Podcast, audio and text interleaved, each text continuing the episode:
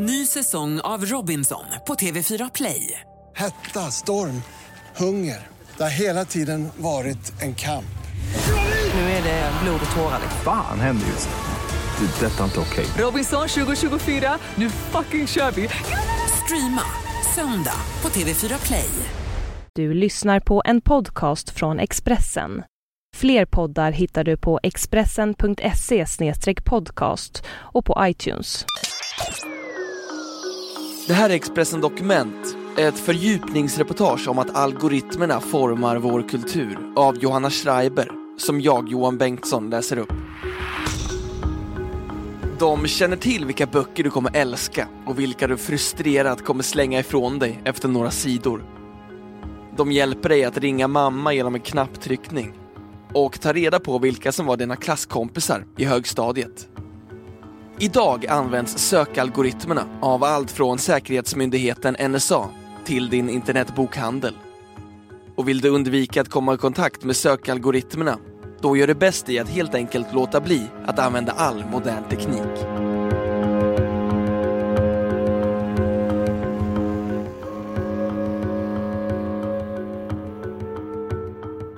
Det är en vanlig fredagsmorgon. Du kommer till jobbet, öppnar din dator och loggar in på Facebook. Helt plötsligt syns en kursare från universitetet, vaktmästaren på din arbetsplats och en gammal kollega från den tid då du extra jobbade på en snabbmatskedja. Människor du kanske känner, gissar Facebook. Och i de allra flesta fall gissar Facebook rätt. Eftersom sajten är försedd med en algoritm som blixtsnabbt söker igenom din profil för att hitta matchningar hos andra profiler. Magi? Nej, matematik. Nobelpristagarna i ekonomi 2012, Lloyd Shapley och Alvin Roth, arbetade under lång tid fram en algoritm som räknar ut hur man ska fördela knappa resurser i de fall då den vanliga marknadsmekanismen inte kan användas. Men att använda algoritmer är inte bara någonting som skapas av nobelpristagare. Varje gång du tar upp din mobil för att söka efter ett telefonnummer som redan är inlagt i din telefon använder du dig till exempel av en sökalgoritm som har kodats av en programmerare. Och det är just sökalgoritmerna som har blivit en allt större del av vår vardag. Att vägra algoritmer är som att vägra i stort sett all teknologi, säger Lars Nordén, professor i företagsekonomi och finansiell ekonomi vid Stockholms universitet. Idag är sökalgoritmer många företags bäst bevarade hemligheter. Google-algoritmen är hemligare än det mytomspunna receptet på Coca-Cola. Den amerikanska bokjätten Amazon.com var först med att använda en sökalgoritm som hittade böcker i samma genre som de du precis köpt. För innan just du köpte den där deckaren så var det människor innan dig som köpte den och som sen kom tillbaka och köpte andra deckare som bokhandeln då kunde rekommendera till dig. Och så snart du köpt en bok har ditt agerande blivit en del i sökalgoritmen. Detta för att kunna rekommendera nya böcker till dig och andra kunder, vilket i längden är tänkt att kunna få sajtens försäljningssiffror att skjuta i höjden. Det finns ett enormt värde för ett företag att ha de bästa sökalgoritmerna, säger Peter Dybier, professor i datavetenskap vid Chalmers tekniska högskola i Göteborg och fortsätter. Googles framgång bygger på att man skapar en sökalgoritm som var bättre än föregångarnas. Den amerikanska civilingenjören Christopher Steiner skriver i sin bok Automate this, How Algorithms Come to Rule the World om hur vår verklighet alltmer håller på att formas av algoritmer. Det är inte alltid längre vi som skapar algoritmerna. Det är de som skapar oss, sa Christopher Steiner då han pratade på den prestigefulla konferensen TED Talks under förra året. I Automate This beskriver han bland annat om hur CIAs bästa analysresultat inte kommer från deras erfarna agenter utan från just algoritmer som är förprogrammerade att analysera insamlade data. Algoritmerna formar vår kultur. De formar vad vi ser. De formar vad vi hör. De formar vad vi kommer att göra, sa Steiner under sin föreläsning. Enligt den brittiska tidningen The Guardian ska NSA även använda flera olika algoritmer för att samla in, tyda och analysera de enorma mängder data.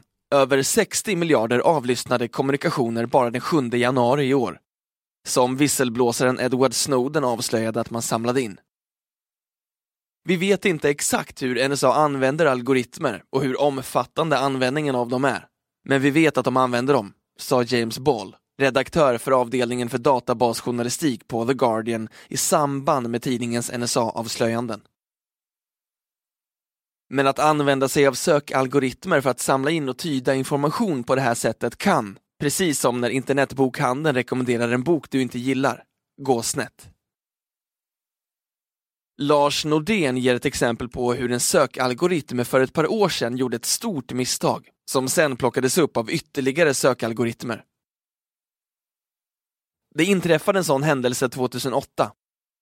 En gammal nyhet från 2002 om att flygbolaget United Airlines hade gått i konkurs kom ut på Google. Faktum var att flygbolaget inte alls hade gått i konkurs, utan man hade lyckats rädda bolaget. Men algoritmen, som sen skickar signaler till datorer med andra sökalgoritmer som köper och säljer aktier blixtsnabbt, uppfattade inte att nyheten var gammal. Därför störtdök aktierna från 12 till 4 dollar på mindre än en minut, säger Lars Nordén, men tillägger att aktien stabiliserades redan under samma dag, när människor insåg att det var något som hade gått snett. Enligt Peter Dybjer är det inte helt otroligt att NSAs sökalgoritmer, även de kommer att hitta information som kan komma att peka på uppgifter som inte är relevanta i sammanhanget. Det borde vara ett avancerat system som går igenom den typ av material som NSA är ute efter. Och ju mer avancerade program som används, desto mer tenderar att bli fel. En felkörning i ett sådant program skulle mycket väl kunna peka ut en person som terrorist bara för att han eller hon har lite otur, säger Peter Dybjer. Precis som att Google inte kan gissa sig till vad det egentligen är för information du letar efter. Och att du första gången när du besöker internetbokhandeln måste klicka hem den där deckaren för att sajtens algoritm ska kunna dra slutsatser kring vilken typ av böcker du helst läser, kommer vi människor att ha makten över algoritmerna ett bra tag till.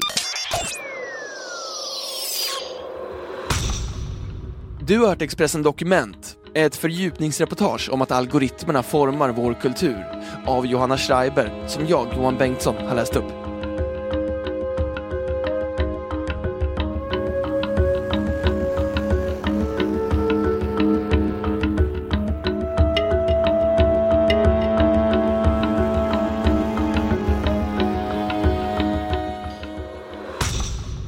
Du har lyssnat på en podcast från Expressen.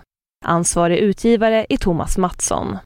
Fler poddar finns på Expressen.se och på iTunes. Ny säsong av Robinson på TV4 Play. Hetta, storm, hunger. Det har hela tiden varit en kamp.